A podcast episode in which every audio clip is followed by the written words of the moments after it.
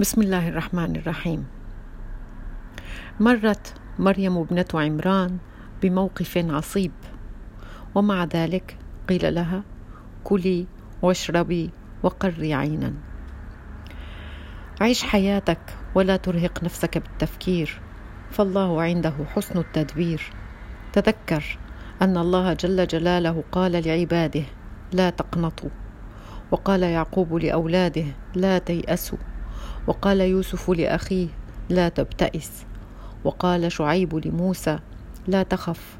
وقال نبينا صلى الله عليه وسلم لأبي بكر لا تحزن.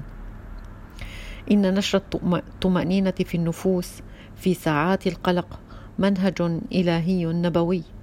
فانشروا الطمأنينة والثقة بالله فلا بد من فرج قريب. وفي السماء رزقكم وما توعدون. وتوكلوا على الله في كل الأمور.